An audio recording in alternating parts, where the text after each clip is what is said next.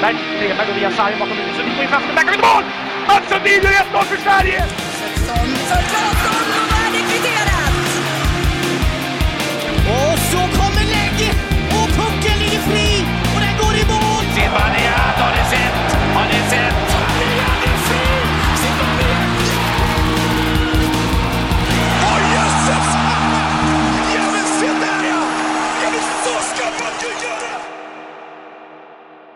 Vi säger välkomna till podcasten Sarg ut och det är 102 avsnittet. Här sitter vi en sen söndagkväll, Marcus, efter att Hockeyallsvenskan bestämde sig för att lägga starttid på Modo respektive Modas match.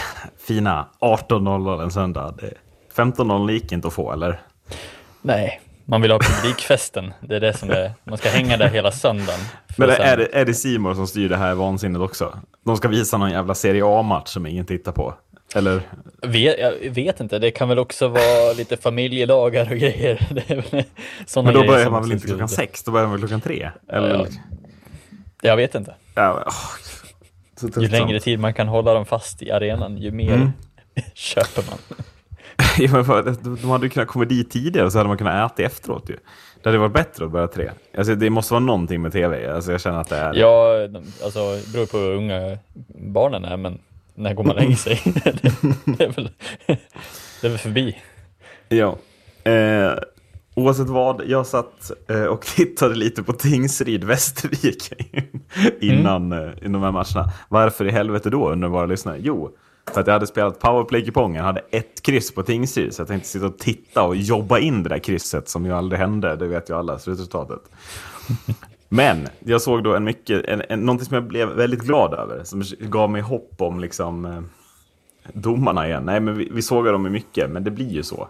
Det blir ju ämnen man pratar om och som eh, liksom podden, poddar gillar att prata om. Eh, men i tredje perioden så kommer Joakim Nermark med pucken, dumpar ner den och hamnar sen lite fel med skridskorna typ.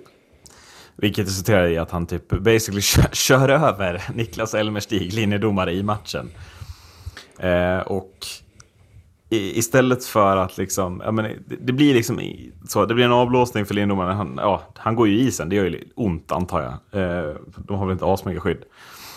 Men då liksom, Nerman kommer fram, hjälper honom upp, säger förlåt. Elmerstig ler lite, liksom godtar ursäkten, de klappar om varandra och allting är liksom fine. Och jag kände bara lite, om vi går tillbaka till vad vi pratade tidigare om den här podden. Se och lär Petter Norman. Eller liksom, kan det, alltså, är, det inte lite fint att det bara kan bli så här? Nu slutar det med att vi kommer, vaknar upp imorgon efter den här inspelningen är gjord och så har det kommit någon jävla anmälan på det här. Men då tar vi det i nästa veckas podd. Men att, är det ändå inte lite fint att det liksom bara kan vara en sån här stämning mellan spelare och domare också? Att, sorry, jag hamnade lite fel här. Det var absolut inte meningen att du skulle åka isen. Vi, Mm. Nu går vi vidare, liksom. Ja, absolut. Jag menar, det, det är väl den höjden man ska ha, att man ska se skillnad på misstag och, och intention och hela den där biten, vad man nu ska. Men eh, jag, jag tycker också, eh, sen vet vi ju inte vad som har skett. Alltså så här, det kan ju vara så att de har diskuterat den här situationen med Heinerö eller vad man nu har gjort. Alltså så här, bara, nej, nu får vi liksom eh, skärpa oss eller eh, göra något sånt. Jag vet inte. Det hade väl varit drömmen för dig, tänker jag.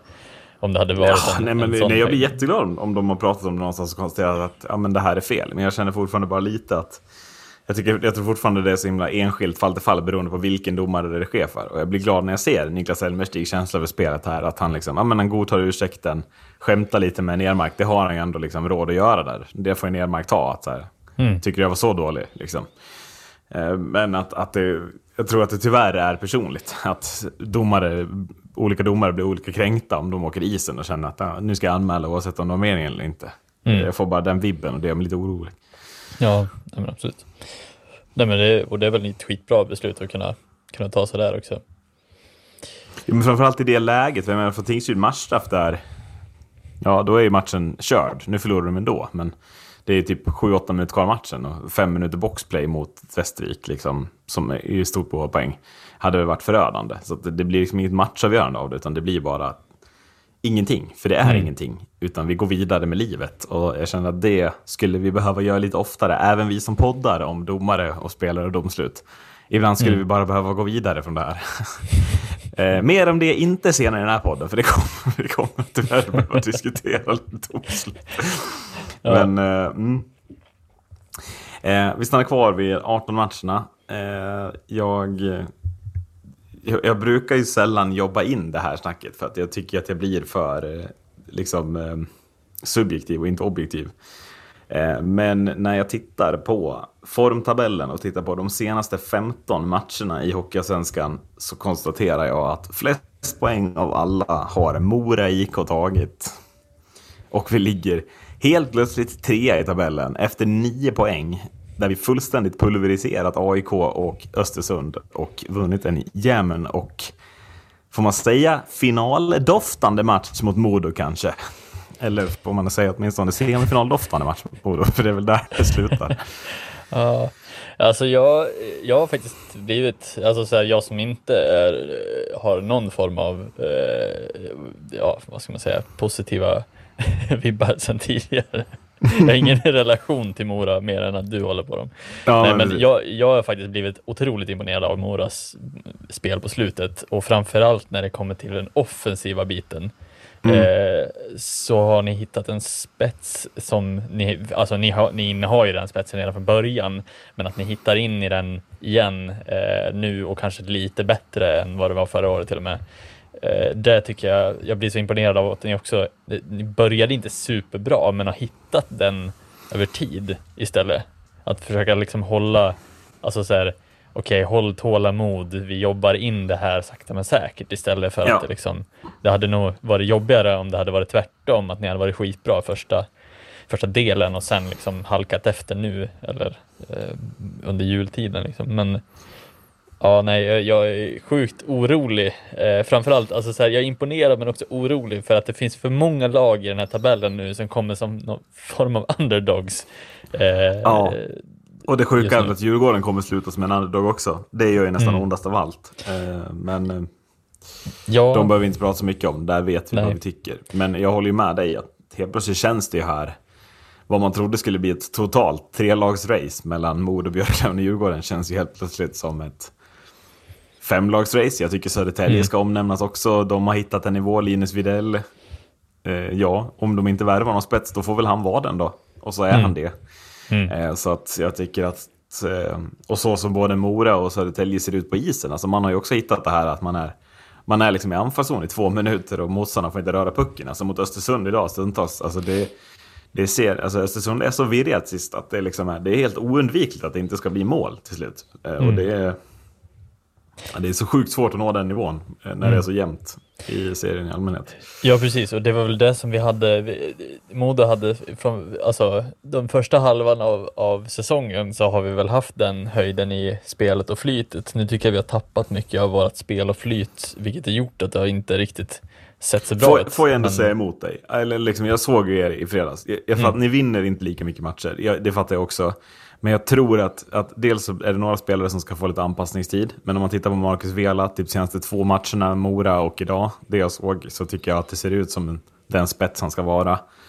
Men sen är det ju också, ni, jag tror att ni ligger i en sån jävla tuff träningsperiod. Jag tror att ni kommer vara så jävla redo när slutspelet börjar. Max. Och jag tycker fortfarande, när vi mötte er i fredags, det ni visar upp i Smidigrav, om man ser till från det att Mora blev liksom bra, det är inte många lag som har utmanat oss på det sättet.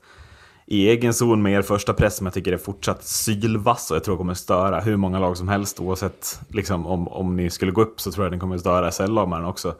Jag, jag förstår att det blir liksom, ni vann 17 raka eller vad var det ett tag, men att jag, jag tror att ni kommer lösa den här seriesegern. Och jag tror att ni sen kommer att komma in i slutspelet och vara ärkeredo alltså. Ja, eh, och det, det, jag, har inte, alltså jag har inte börjat känt mig orolig överhuvudtaget egentligen så, för att Nej. inte, utan det, det, det är små detaljer nu som jag tycker vi har tappat, men som kommer att komma Mm. tillbaka förmodligen. Eh, det är liksom så här, spelbitar, det är bara mer att så här, man vill ju försöka att så här, okej, kan vi, kan vi försöka glida igenom den här eh, svackan lite Ja. halvsnyggt och hålla Björklöven tillbaka för att Björklöven och Mora jagar på där under ganska rejält även om vi har ett försprång. Eh, men man vill ju ändå så här, okej kan vi försöka säkra den här för att vi vet hur viktig den är. Man såg det förra året med HV. Alltså får vi en lättare väg, då kan vi låta de andra spela ur, eh, spela ur orken över varandra istället. Eh, så har vi lite fördel i alla fall. Men eh, ja, det blir en otrolig, otroligt slutspel tror jag. Eller? Ja, nej men det är väl det jag känner är roligast. Och jag känner, jag vet inte, det här har jag sagt privat till många, eller när jag pratar med många, men det här är ju första gången, eller det här, det här det känns verkligen så jävla tråkigt att det bara är ett lag som får gå upp i år. För det känns som att det är så många som är, som är redo för, som är redo för det. Alltså så här, Mora är redo för det, eh, Modo, Björklöven, Djurgården ska vi väl inte prata Alltså det, det är fler lag som förtjänar att gå upp. Samtidigt som det också är SHL. Jag tycker att det är mer än ett lag som förtjänar att åka ur om vi ska upp till den andra. Alltså så. Det känns så tråkigt att det bara är ett lag som ska ner och ett lag som ska upp. För det känns som att det är fyra, fem hetare i, allsvenskan det här året än, än i SHL. Liksom. Man Kan vi inte kasta in coinet bara så här, de- den halvan som inte kommer in i slutspel SHL spelar Ja, men alltså så- slutspel med övre halvan på... En kvalserie, fyra lag från allsvenskan och två från SHL hade ju inte varit fel ändå. Ja, fy i år. fan, det hade riktig jävla eh, cliffhanger på. Mm. Ja. Men tillbaka till Mora då, om man ser också Södertälje. Tycker du att... Är det det du känner är lite jobbigt eller? Att så här, när du snackar om outsiders, att helt plötsligt så är det inte, sett till Djurgårdens kräftgång, det hade ju kunnat vara ett tvålagsrace mellan Modo och Björklöven det här. Men att det nu riskerar att bli inte ens något av de två lagen i final, eventuellt. Alltså så, om det går riktigt illa. Ja, nej, för jag, jag, är, jag är ganska säker på att varken Djurgården eller Björklöven är klara på marknaden heller. Eh, och, det, det, du, mig behöver du inte övertyga. Nej, och alltså så här, Södertälje, absolut, men jag tror inte att de har samma pengakassa som de där De två har ju redan bränt lite också va? Ja. Mm. Men jag vet inte hur det ser ut för Mora. Jag vet inte om ni behöver någonting mer än, än det ni har Eh, just nu. jag skulle men, säga att vi behöver värva en spetsig back till. Mm. Eh, så att vi kan... eh, Eh, vi, vi har tre bra backar, skulle jag säga. Eller tre riktigt bra backar. Men djup, vi har ju fått ett otroligt djup på forwardsidan nu i och med att Fabian Ilestedt har ju gått in bredvid Ljunggren och Persson. Och nu när Måns Karlsson kommer tillbaka så ersätter ju han Albin Greve, vilket gör ju till tredje kedjan till betydligt, betydligt hetare offensivt hot än vad, än vad den var innan. Så då har vi ett enormt djup på forwardsidan. Alltså, så. Mm. Och jag tycker att får vi in en spetsig back till så får vi nästan samma djup på backsidan. Och då har vi ett djup i laget. Vi har två målvakter som kan, som kan göra bra matcher. Vi har en djup backsida med många bra spelare och vi har en djup forwardsida. Och då börjar vi ju närma oss det liksom, som hela grejen med Moras treårsplaner är. Att det tredje året då ska man ha utvecklat spelare som inte är så dyra till att vara i jämförelse med typ ett Björklöven-lag. Och det är det Mora börjar hitta nu. Första kedjan, vår första kedja matchar ju Poli, Fitzgerald och gänget. Vår andra kedja matchar ju Fortier och det här gänget. Och, och börjar vi ju likadant på backsidan och matsidan. Alltså Mora är ju typ lika bra och lika brett och lika spetsigt som Björklöven. Och det är för mig, det är så sjukt imponerande. så att, så, vi, Ja, men- det är inte så att vi hade en miljon att värva tre spetsiga kanadicker för. Eh, Nej. Så jag, jag är så sjukt imponerad och jag tycker att det är, det är så fint att, att, att vi återigen lyckas med en sån här treårsplan som blev en fyraårsplan då. Men Mm. det var ju det För- som gjorde att vi gick upp förra gången. Precis, och det, det är väl det som blir lite typ eran och BIK Karlskogas styrka in i det här slutspelet. Eh, nu antar jag att BIK Karlskoga kommer att klara slutspelsplatsen åtminstone. Eh, Ja, men men slutspelet är ju klart. Det är ju Ja. 15 poäng ner från plats 6 till plats 7. Ja, det är ju precis. såklart så du bara kan man ska inte säga aldrig, men det är ju liksom så här, Då säger du då aldrig. Ja, kör, kör på den. Att du ens tror något annat. Du tror Almtuna ska hämta 15 poäng på Karlskoga? Nej, men alltså. Jag har sett större mirakel ske i den här hockeyallsvenskan. Alltså, alltså, visst, Sverige vände 4-0 till 4-4 mot Tyskland borta, men det, är, det här är ju ett större mirakel om det sker. ja, Ja. de får ju ta in Robert Nilsson och sparka honom först sen, sen vänder det. Ja, i alla fall så tänkte jag mer att det som blir era styrkor, tänker jag, Mora och BIK Karlskoga, det är alltså lagmoralen i sig. Alltså, för jag tror inte Mm. att det kommer inte vara de här spetsiga supervärvningarna som kommer in nu sista kvarten på... på Inte i de två lagen, nej. Nej. Och det är väl Och- det som någonstans talar emot Mora Karlskoga lite att se att, nu har väl Modo väl klart, men se att Björklöven och Djurgården prickar några jävla spetsspelare här som går in och avgör matcher på egen hand. Vi har ju inte råd att värva från den Mm. hyllan på marknaden liksom. Nej, precis. Och, och det blir väl också kanske lite, alltså på något sätt skönare att komma in med den stämpeln som en underdog också för båda de Mm. lagen. Men det blir också en oskön känsla för, för den övre halvan av, av det som ska ja, motsvara det. Djurgården till exempel. Känns ju Mm. jättejobbigt att komma in och Mora. Alltså jag vet inte om vi skulle välja att möta Djurgården om vi får välja idag. Jag är osäker på det. Nej, men det, det som är grejen och det som jag tycker är lite kittlande för Mora är ju om vi skulle kunna ta oss förbi Björklöven. Så att vi i, i kvartsfinal inte ens får möta ett topp 6-lag. Utan får ställas mot vinnaren av play-in 2. Liksom. Eh, För att ni lär få välja, det är det ni, ni kommer ju få den resan i kvartsfinal. Att ni får ju möta då Almtuna, Västerås, AIK, eh, och typ något lag till. Det är ju så jämnt där nere så det kan ju bli fyra andra lag också. Vi, vi kan ju komma lite in på det. Men eh, jag menar, jag, jag vet inte hur du känner Marcus, men när jag har sett Mora från typ mitten på november och framåt mot de här lagen som ligger plats sju och neråt. Alltså jag är inte ens, jag, alltså jag är så noll procent orolig för att vi ska förlora mot dem över sju matcher. Alltså det finns inte på kartan att något av de lagen ens kommer vara nära att slå oss över sju matcher. Jag, är- jag är faktiskt... Jag är, jag är ledsen, det sker liksom inte, tror jag. Ja, det ska väl inte ske rent om man, om man ska Nej, nej, men absolut. Men jag har liksom ingen oro riktigt så heller. Jag vet inte, alltså så... eh, Det, jag, jag känner verkligen inte att det kommer vara nära ens. Utan då, då, annars får vi ju möta, liksom, då, får ju vi, då får ju vi välja som trea. Jag tror vi väljer, jag tror vi väljer Bickaskoga före Djurgården. Liksom. Eh, och jag, ja, jag tycker det kittlar med Djurgården Södertälje redan i kvarten. Det tror jag kan hända faktiskt. Eh, som jag ser på Då- är ju frågan, vill, alltså för Södertälje, vill, de vill väl kanske möta Djurgården? Alltså för att, Jag vet inte, alltså det är ju drömresa rent, rent liksom, åktidsmässigt. Att Det är ju kort resa för alla lagen. Men eh, ja, jag, säger, jag säger det igen. Det är Södertälje, liksom. Djurgården. Troligtvis kommer ett av de två lagen ryka kvartsfinal redan. Det känns ju Mm. helt sjukt. Men ja, Ja, det, för jag menar Södertälje har ju haft större chans att vinna mot Djurgården än de andra lagen i, om man ser till tidigare möten nästan. Alltså det känns men, men om, vi, om vi säger att tabellen slutar som den gör nu. Alltså Modo vinner, Björklöven 2, Mora 3. Mm. Är inte känslan att Modo och Björklöven möter ju såklart lagen från play-in. Det är ju helt givet. Mm. Och då, jag tror Mora väljer Karlskoga. Dels för att det är närmare resa, men också för att vi har haft lite lättare mot dem än vad, mot eh, Södertälje och Djurgården. Mm. Ja, jag, jag tror det. Jag tror, jag tror att, jag, eh, som jag ser på tabellen nu, jag tycker det är en enorm chans att det blir Södertälje-Djurgården. Eh, i, i, men Södertälje kan ju lika gärna gå om oss också. Alltså så. Ja, jag tror realistiskt sett så tror jag att Karlskoga kommer att ligga sexa där när slutspelet börjar. Eh, och man får Samtidigt vara... de åker och slår Djurgården på Hovet här. Alltså det, tiden är Ja, ja. knapp snart för Djurgården. Nu lär de ju börja vända det här. Det spelar ingen roll att de spelar helt okej. liksom. Mm. de, de är ju så sent, sent utvecklade, för att säga så. Har de haft en formtopp liksom? Det är väl det som är lite oroväckande. Eller kommer de att bara pricka den fullständigt? ja, men det, ja, det har jag sagt hela säsongen. Jag är livet att de kliver in. 4-0, 4-0. för det. Ja, ja. Eh, om man ser bottenstriden då. Från, från plats 7 ner till plats 13 är det fem poängs skillnad. Vilket alltså betyder att fyra av dem, eh, vad blir det, sju lagen kommer att spela play-in och två av dem kommer att spela slutspel och ett av de här lagen kommer att sluta med att de liksom riskerar att ramla ner. Eh, det känns ju, om man tittar på matcherna som spelas idag, men herregud vad krampaktiga matcher det är nere i botten. Alltså de här lagen. Alltså det är så mycket ångest när de här lagen möts. T- Tittade Tingsryd, Västervik, Kristianstad, Vita Hästen. Alltså det är ju bara...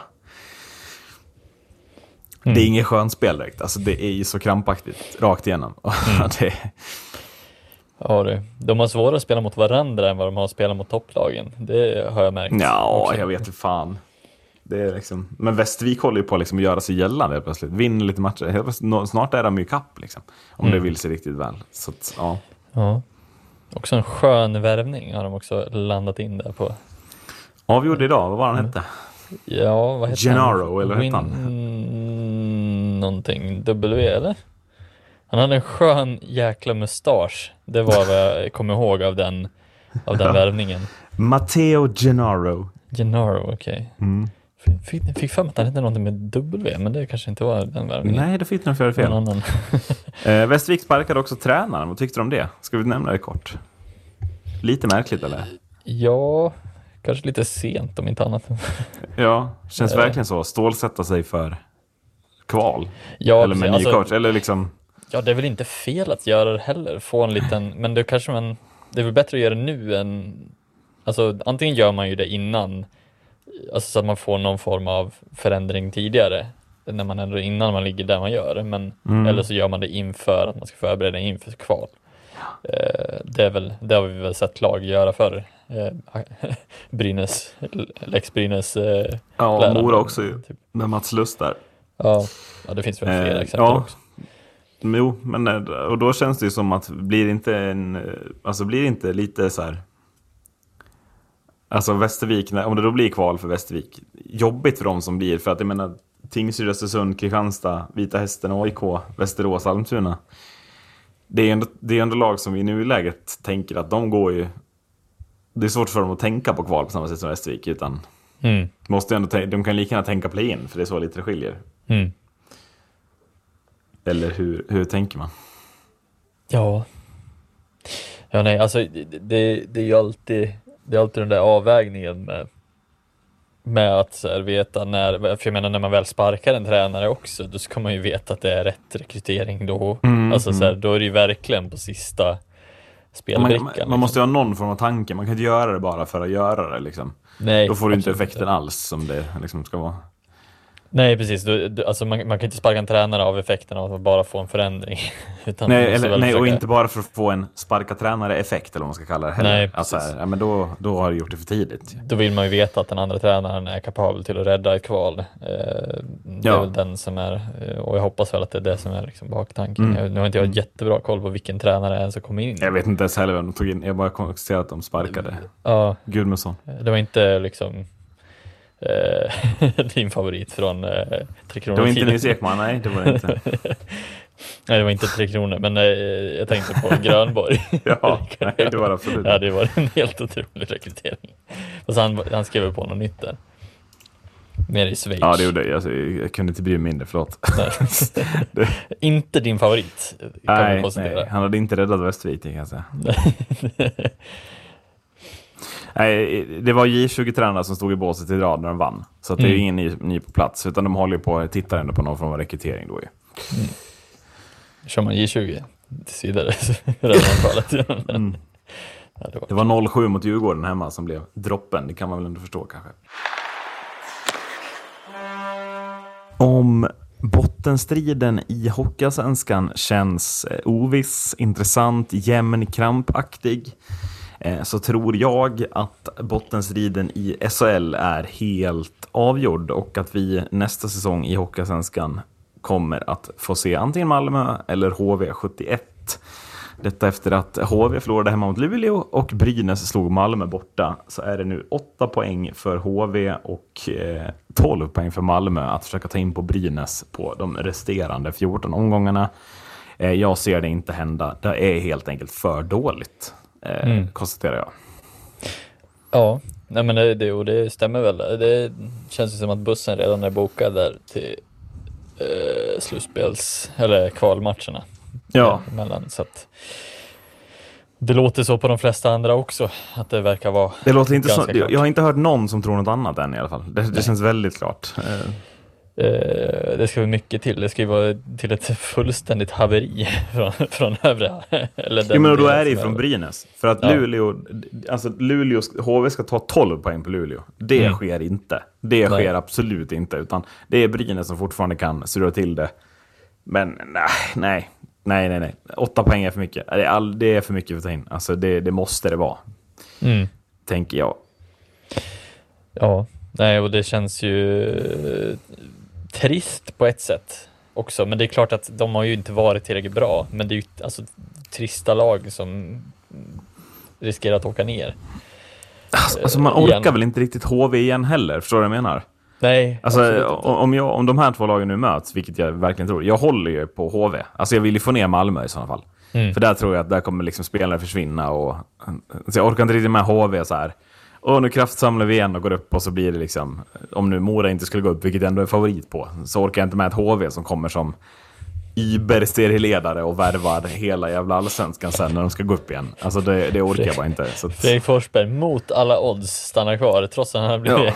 totalt ratad de enda gångerna han han blev ju bara- inte det i Hockeyallsvenskan. Att, Nej, Nej, nej men jag, det är lite, du förstår vad jag menar. Jag Mm. tror också det. HV kommer få kvar alldeles för bra spelare jämfört med Malmö. Eh, Mm. Och, och det, i sådana fall hoppas, med, hoppas jag också då hoppas jag att Malmö åker ner i så fall. Men eh, Men vad, ska vi gå in lite på, liksom, vad, vad ser du som är de stora faktorerna till att de här två lagen, vad är det de här två lagen inte har lyckats med som, som de andra lagen ändå har lyckats med halvt?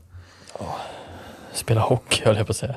Ja. Eh, men det, jag tycker att det är grejen är att de, de har sina perioder, de har sina tillfällen där de faktiskt alltså, kan spela bra hockey stundtals. Men grejen är att det handlar ju om dels är att eh, hålla sig, alltså hela tiden väldigt, väldigt eh, Ja men så här, de- misstag man gör, de grejer man gör på, ute på isen får inte bli för stora gap mellan vad som är din högsta och lägsta nivå. Det är väl det som jag tycker är så jävla skiljer sig för de här lagen.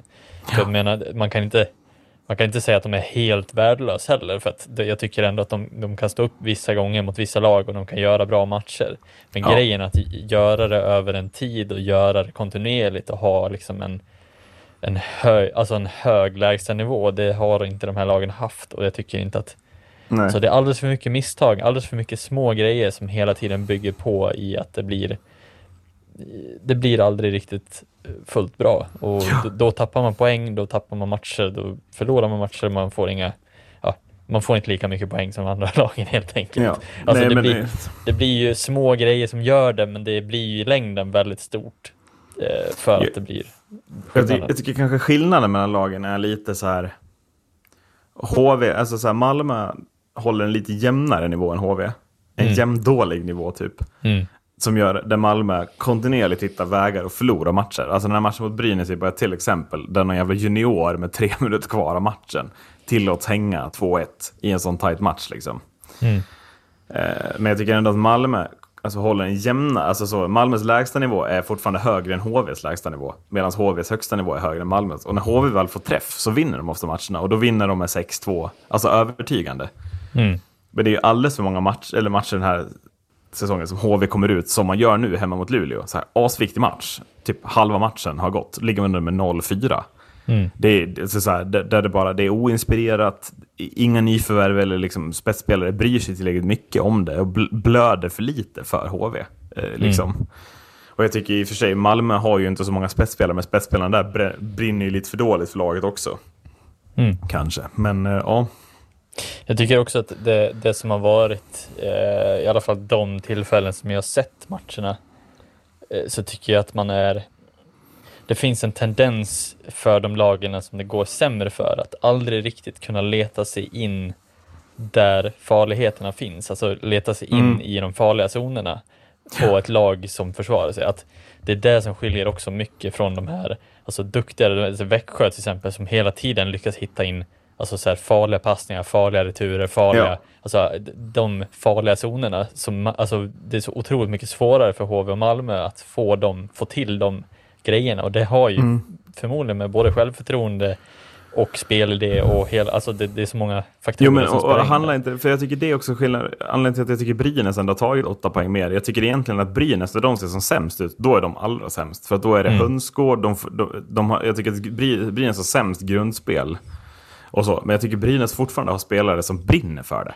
Alltså som brinner för att vinna matcher med Brynäs på ett annat sätt. Jag tycker liksom i HV, i de spelarna som ska kliva fram, man ser liksom inte glöden. Det var ju därför man tog in Niklas Hjalmarsson, tror jag, HV. Att så här, Mm.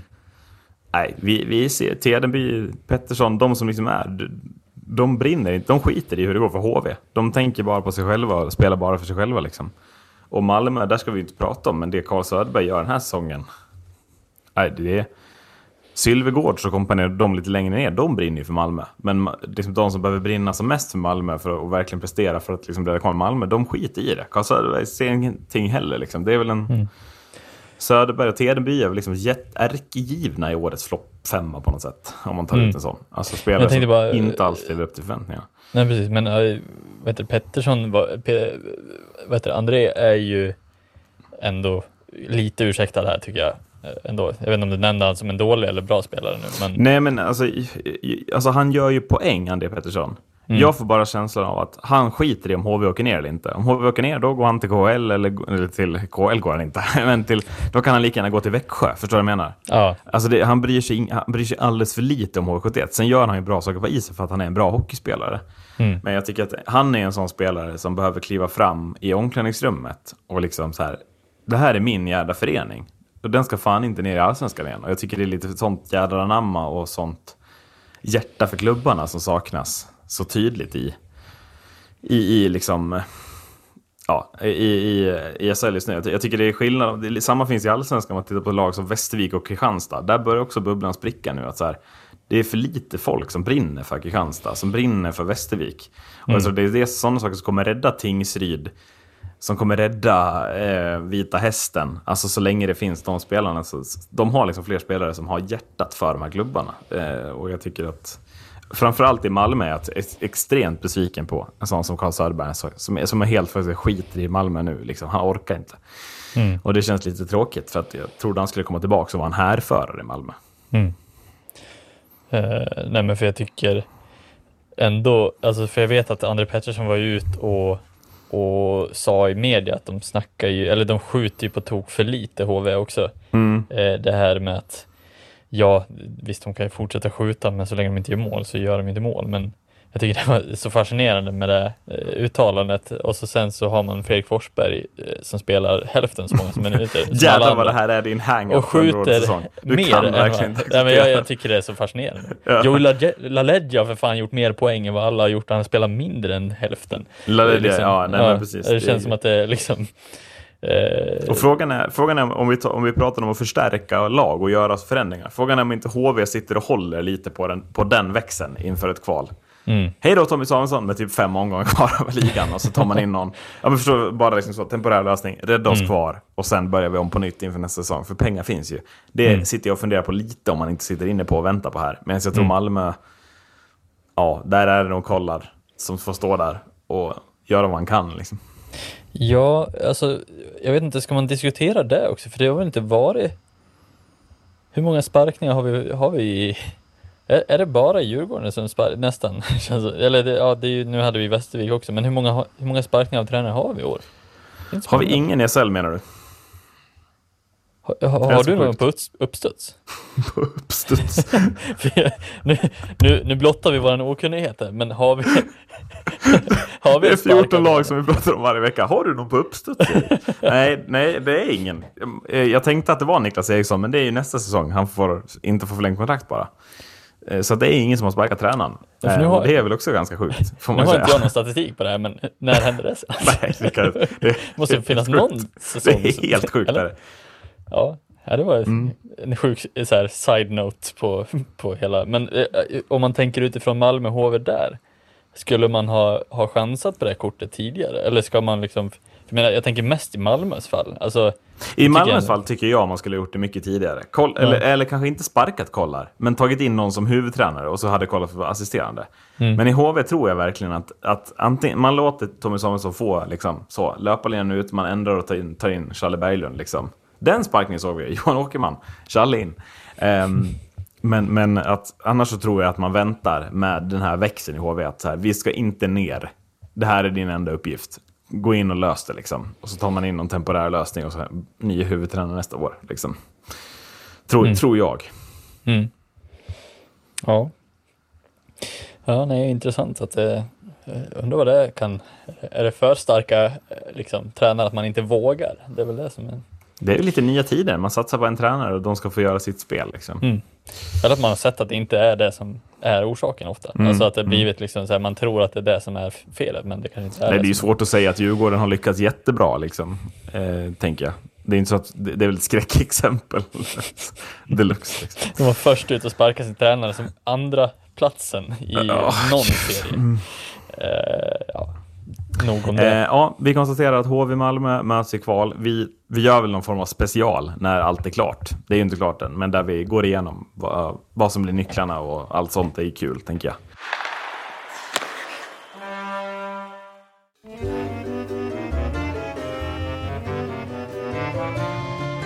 Såg du den eh, sparken? Sparken alltså.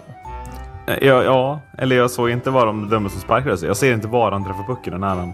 Eller, Nej, men du behöver inte ens se den för att fatta att det liksom, det är ju inte en distinkt sparkrörelse. Det är ju sanslöst.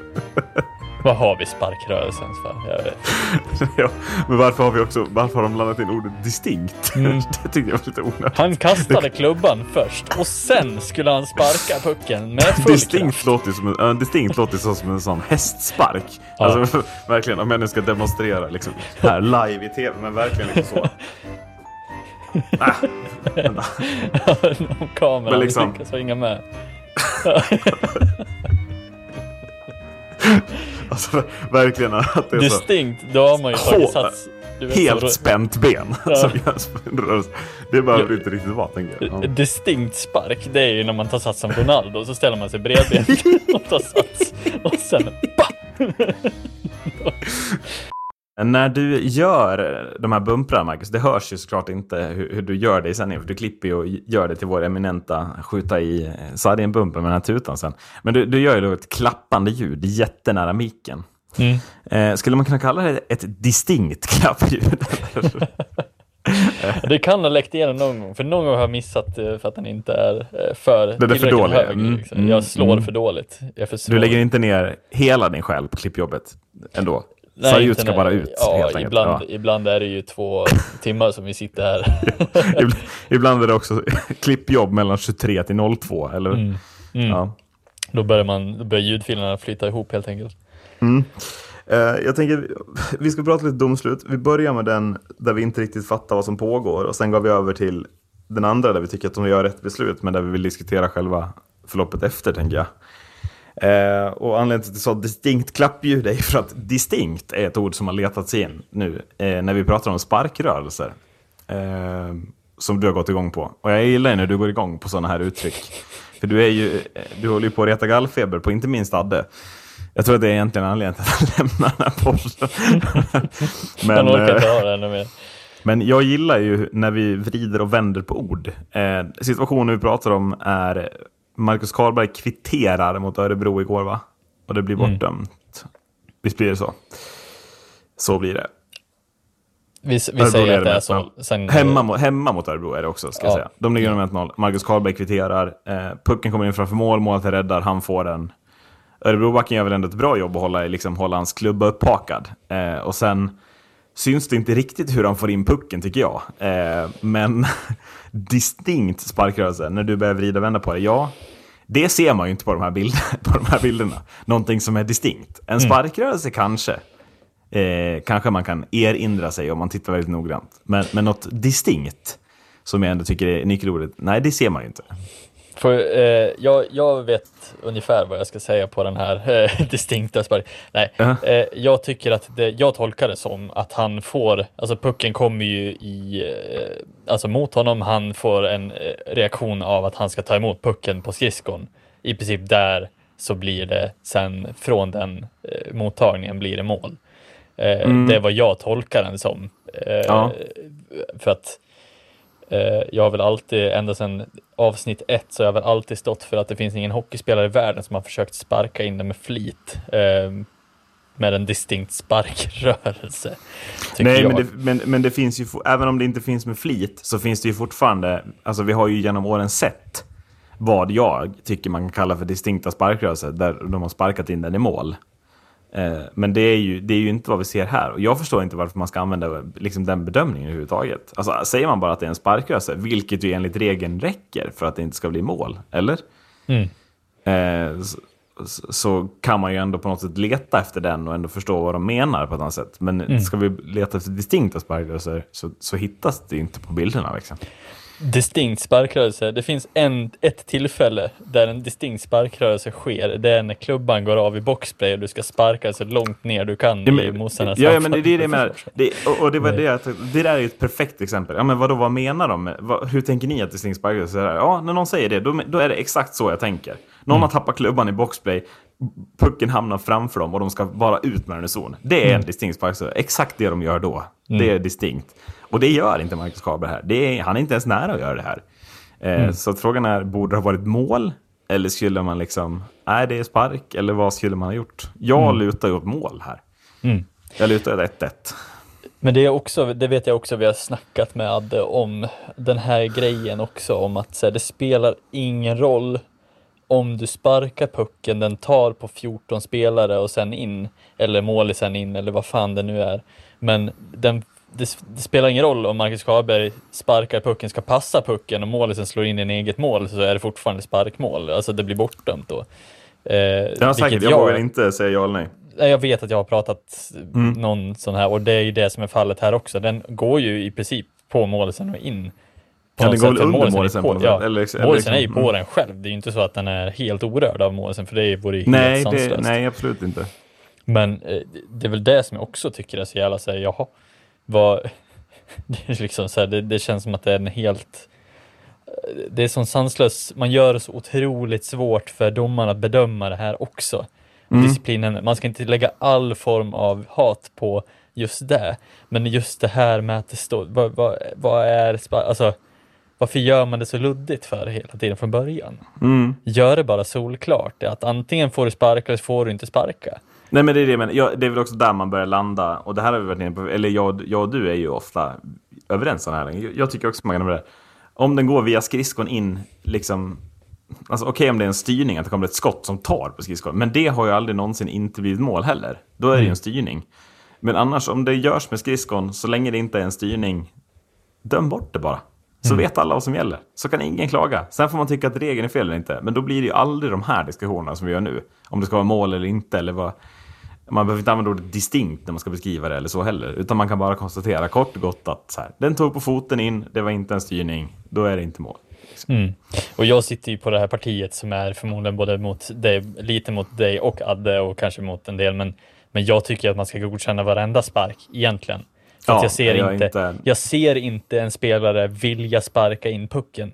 Nej, På det använder sättet. ju inte foten före klubban. Jag, är inte, he- alltså jag, är inte, Det är jag, är så- inte, jag lutar inte åt att det är fel heller. Nej, precis. Alltså det, det är så sällan som du verkligen känner att nu har jag en fördel av att sparka in pucken här. Nej, precis. Alltså, det ska, det ska till så lite. Det är oftast när du är upphakad framför mål som det här händer. På något sätt. Ja. Annars är du ju i en styrningssituation eller i, alltså så här, Mm. vem fan har klackat in pucken? Det, det, ska ju mycket till innan det börjar komma upp i det, den nivån Ja. i huvudet. Nej, men jag, är, jag är- börjar luta att jag är helt med dig. Att Mm. Varför inte bara godkänna alla mål som inte görs där man typ kastar in den med handen? Liksom. Eller Mm. görs med handen. Alltså, så. Handen ska vara på klubban, det är det enda. Nicka Ja, in den om du vill. Eh, och sen vet jag inte, alltså jag vet inte vad det är som det, det, handlar om, om det är skada, alltså så här, just skada, att det är där, för det är det som det handlar om i typ tekningar till exempel, att du får inte sparka pucken bakåt för att det handlar om just skaderisken att ja, du drar in knät i liksom någon annan och sparkar. Jag vet inte vad, vad som är anledningen till det. Men att det känns verkligen som att det är, så det, det är alldeles för få tillfällen i målsituationer där det sker och att det verkligen är med intentionen av att sparka Jo, men, och jag, jag tycker också, eh, argumentet skaderisk tycker jag är...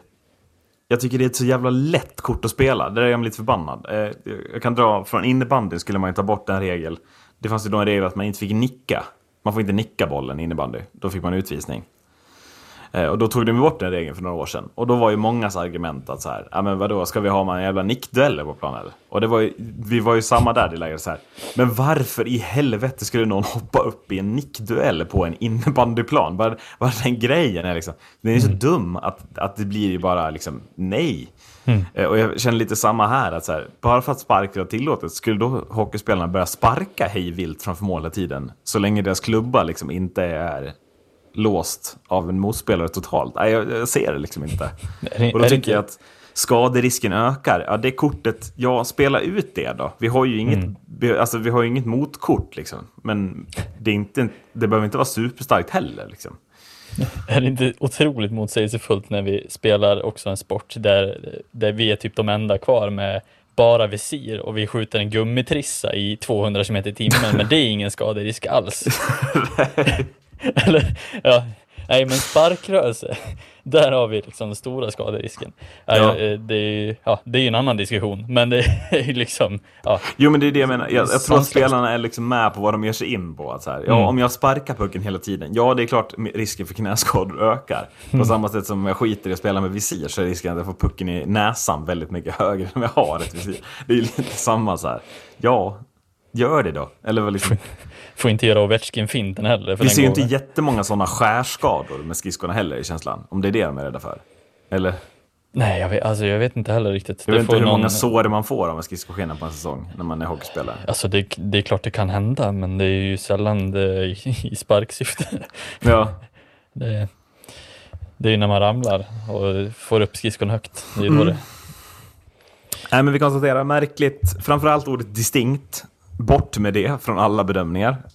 Om vi, annars vill vi se liksom, hästsparkrörelse. Eh, och så går vi vidare till Ville Pockas matchstraff. Eh, Som vi väl tycker är jättebra att det tas på isen. Så att Frölunda får ett powerplay här. Mm. Eh, har du sett det? Ja, jag såg faktiskt eh, klippet på det i efterhand. Eh, gjorde jag. Och den är väl eh, helt korrekt. Ja, men varför i helvete blir det bara två matchers avstängning undrar jag? Är inte Eh. det här ett, en av årets absolut fulaste tacklingar? Eller fulaste? Ja, jag vet inte vad det finns för... Eh, man går väl utifrån ett protokoll vad man har ut... Var det jag tänkte jag skulle vad, läsa. Vad, vad nu det Vad skriver de den här innebär. gången då? Eh, Vad skriver ju- de den här gången då? Men eh, ja, det finns väl eh, en hel del andra saker som har blivit tre, fyra matcher. Typ att fälla Petter Norman. med intentionen att ta puck. Nej, men för disciplinnämndens nyckelfaktorer till att det här blir avstängning är att Ville Pocka leder kl- tacklingen med sitt knä mot motspelarens knä med hög rörelseenergi. Det är ju alltså att han rör ju benet tydligt mot motståndaren och att det är stor skaderisk. Det är de två faktorerna som är nyckelfaktorer för den här bedömningen. Jag upplever att det är faktorer som tidigare har gett betydligt längre avstängningar. Både i niing-situationer och när vi pratar om, alltså typ så här, med hög rörelseenergi skickade han axeln mot huvudet och det är stor skaderisk, förstår du? jag, jag, jag förstår inte vad det är här som gör att det blir två matcher. För jag tycker att det här är verkligen en tackling som är där uppe bland den fula huvudtacklingarna. Alltså de, de riktigt fula. Han ska bli långt avstängd för det här. Jag tycker att den är... Troligtvis är den kar karriärsdödande på Jakob Nilsson också, sett till hans problematik tidigare. Jag har svårt att se honom komma tillbaka om det är korsband som är av här också. Men att...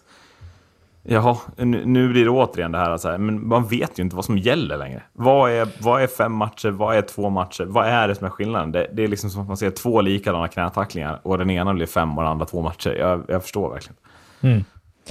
Ja, nej absolut. Jag, det kommer väl alltid vara och förbli kanske en gråzon så länge vi inte får eh, hela, alltså en insyn på bättre sätt i vad Så, inte, som, alltså eh, så länge inte disciplinnämnden är liksom kon- enhetlig heller.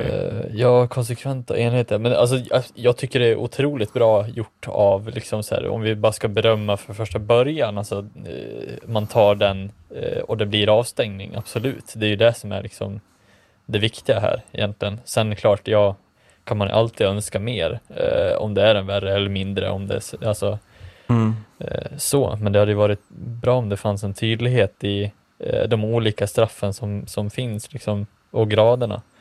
Man bedömer Mm. dem utifrån. Men, men, men håller du med om vad jag, vad jag menar när jag säger att de här nyckelfaktorerna, att det är hög rörelseenergi och stor skaderisk, att det är faktorer som tidigare har gjort, gett fem matcher? Mm. Eller är jag fel på det? Eller?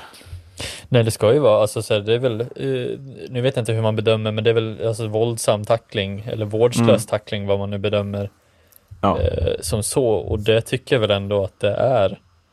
ja, Det känns väl ändå ganska verkligen. supertydlig eh, rent eh, bildmässigt. Det, det är svårt Mm. att...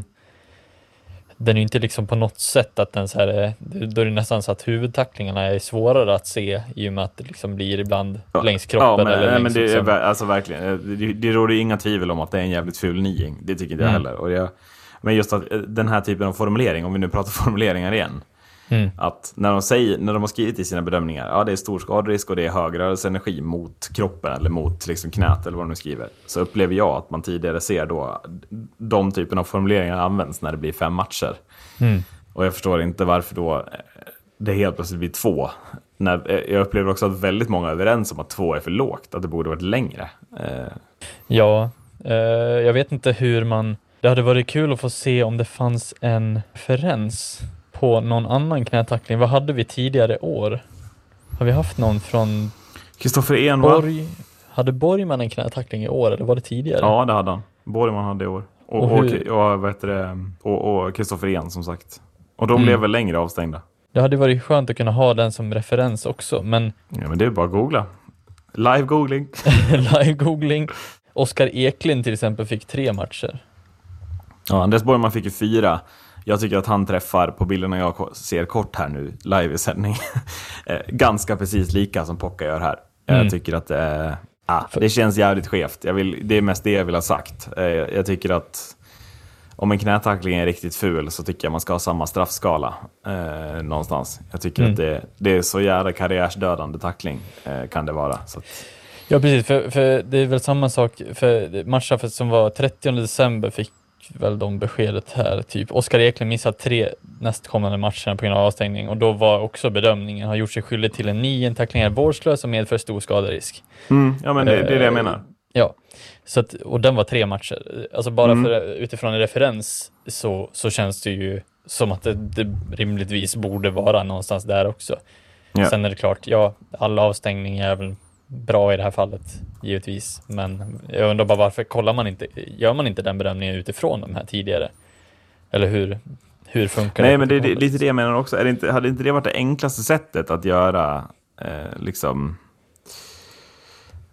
göra, alltså göra liknande bedömningar på? Att man, att man har en referens eller vad man tittar på sen tidigare på något Mm. sätt. hade också varit skönt att få den, alltså så här, vi, vi gå- utgår ifrån den här och tycker den här är liknande, hade väl också varit en Mm. ganska, alltså just, man behöver inte ta från hur långt bak som helst, alltså tio år tillbaks, men att den är från i år, då har man ju ändå exempel redan att okej, då kan vi fortsätta utifrån vad vi har haft vår tidigare bedömning, så att vi i alla fall är överens med oss själva. Ja, men Eh, exakt. exakt. Sen om, det, om den var fel från första början, ja fine, då har man i alla fall varit konsekventa. Nu är man ju inte uppenbarligen det. Ändå. Ja, nej, men det är samma här eh, på Borgmans tackling. Tack, tacklingen utdelas med kraft, är vårdslös och medför stor skaderisk. Jag upplever att det som saknas då i Ville Pockas, det är ju då vårdslös, säger man inte. Mm. Eh, Men det är väl objektivt fel om man tittar på tacklingen, att inte kalla den för vårdslös i sådana fall. Men eh, det, ja, ja, eh, då vet vi skillnaden i alla fall. Om den inte är vårdslös så är det bara två matcher. Om det, det är det som avgör. Ska vi avsluta med Väsbys förtydligande eller? Som kom efter att vi hade spelat in våran podd, ska väl sägas. Ja, det, det känns som det har gått en evighet sedan dess. Men det är bara, det är bara en vecka sedan. Det, bara en jag håller med. vecka. Väldigt, väldigt, väldigt lång för det vecka. var otroligt tyst sedan dess. om, just den, den biten. Men Ja, absolut. Otroligt lång vecka. Ja. Ja. Eh, men det var väl skönt att de kom ut med ett förtydligande, men sen vad det sa, det vet vi inte heller riktigt. Om det Nej, precis. Jag, jag gillar, som, jag tycker det ändå ska, ska liksom på något sätt för, liksom hejas på. Att bra att de förtydligar. Så Mm. if- för att de, är, alltså, de, de har omvärldsbevakningen, ser att det är väldigt mycket konstigt kring det här som de inte vill, tycker det liksom. Eh, Men ska vi gå igenom det lite punkt för punkt då, eller? Mm. Absolut, och det är väl, ja Ehm, precis. Det blir väl Och vi, börjar, vi kan ju börja med det att så här, de har fått utstå kritik för att ha undgått 51%-regeln. Det kritiserade ju inte vi. Utan det sa vi ju att det har de gjort liksom. Alltså eh, följt den. Följt den ja, precis. Eh, så. Eh, en annan punkt som de hade, det var årsmötet. De har fått kritik för att inte ha utlyst och genomfört årsmötet på ett korrekt sätt. Eh, och då säger de då att de har utlyst årsmötet i enlighet med föreningens stadgar via hemsidan och man har även skickat ut en påminnelse till medlemmarna via mail och ytterligare en påminnelse på hemsidan. Eh, samt att de har annonserat om årsmötet på en anslagstavla i eh, eh hallen. Då. Eh, och, och, och alltså, det här ställer jag mig ju inte emot. Att det är klart att det här årsmötet har genomförts enligt stadgar och annat på ett korrekt sätt. Men hade de inte behövt beröra det absurda i att det fortfarande läggs klockan 16 en random tisdag lite från ingenstans. Att det, det är väl det som många har kritiserat. Så här, Jaha, men hur många kunde komma då? då? Alltså, det är klart ni har utlyst det på rätt sätt. Men skulle man inte ha funderat över tiden och liksom, vad är demokratiskt rätt? Att så många som möjligt ska kunna komma. Det är ju inte en tisdag klockan fyra, eller? Nej, eh, och jag vet inte, jag har, jag har för mig, nu, nu har jag inte texten eh, uppe just för tillfället, men jag har för mig att jag läste det om att de nämnde det kring det också, att det var liksom, ja, just den här utannonseringen, att de hade lagt det i god tid och de sagt att ja, men det här tiden är det som gäller. Och att de förmodligen, de sa väl att de hade flera än vad de brukar ha på ett årsmöte, vilket kanske givetvis också kan vara sant. Ja, det är Eh. svårt oss att faktakolla såklart. ja, precis. Vi har ingen aning hur många som var där. Nej, nej, nej, nej, nej väldigt absolut så. Och är det så så är väl det bra att de var fler än vanligt då. Det är Ja. väl i så fall jättebra.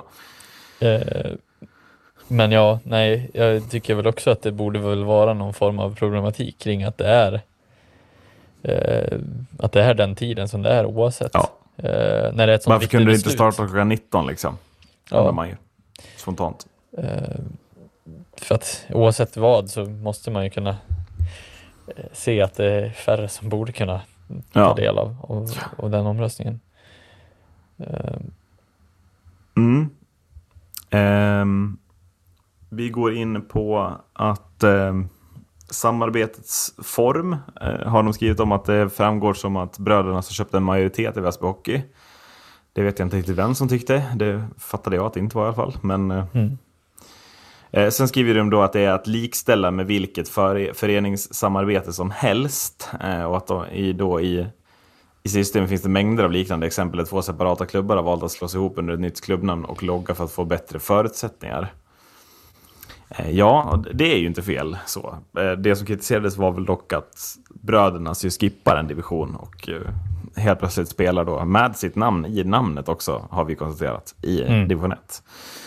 Ja, Nej, men för, och, och, de vill ju förtydliga att eh, föreningen Väsby är kontakt, eller intakt, Ja, ja, precis. eh, när det gäller både namn och logga, men eh, att det blir eh, förändringar som skett är bara enbart A-laget. Men jag vet inte Mm. riktigt vad det hjälper. Alltså vad, vad, det blir väl fortfarande samma kritik där. Ja, i alla fall från min sida. Eh, för att Eh. jag menar, ja, föreningen i sig, det är väl inte... Det kommer ju ändå vara A-laget som belyser den största, alltså majoriteten av det synliga utåt i sportsligt sammanhang. Eh, jag följer inte jätteofta J18 J20 Väsby, men eh, det finns säkert de som gör det. Men, Ja, nej, men, eh, ja. det, det, det blir ju problematiken i att det, det är ju det som kommer att lyftas utåt och synas utåt och därav förknippar man Mm. ju redan de med brödernas oavsett. Jo, nej men, och, och jag hävdar fortfarande att visst att det finns klubbar i Sverige som har slagit ihop sig. Alltså så. Men jag hävdar att det är väldigt, väldigt sällan som en förening har via, eller den restaurangkedja som äger en förening har köpt eller liksom gått in i ett samarbetsavtal med, med liksom stor andel i en förening och lagt till deras egna föreningsnamn som finns i en tidigare eller lägre division i namnet eh, på det laget som ska representeras och på så sätt inte behövt spela division 2 för att komma upp i division 1. Eh, det är alltså samarbete mellan två klubbar, absolut. Men det här det är fortfarande ett unikt samarbete ur, ur, ur den aspekten, hävdar jag. Jag kan vara dåligt påläst, men jag, jag hävdar att den, den aspekten måste någon ställa frågan om. Att så här, men det här då? Eh, tycker jag hade varit upplyftande på något sätt. Mm. Och sista punkten är det där med loggan då. Eh, då. Föreningens logga är inte ändrad och inte heller föreningens namn. Det som har hänt när det här är alltså enbart A-laget, där en gemensam logga har tagits fram. Och det var den här brödernas, eller vad? Fattar du det här? Det, var ju det här vi, det var det här vi kritiserade hela tiden. Det här har ju alla fattat. Det är, det är fortfarande A-laget som alla bryr sig Men- om. Ingen bryr sig om era jävla J-lag.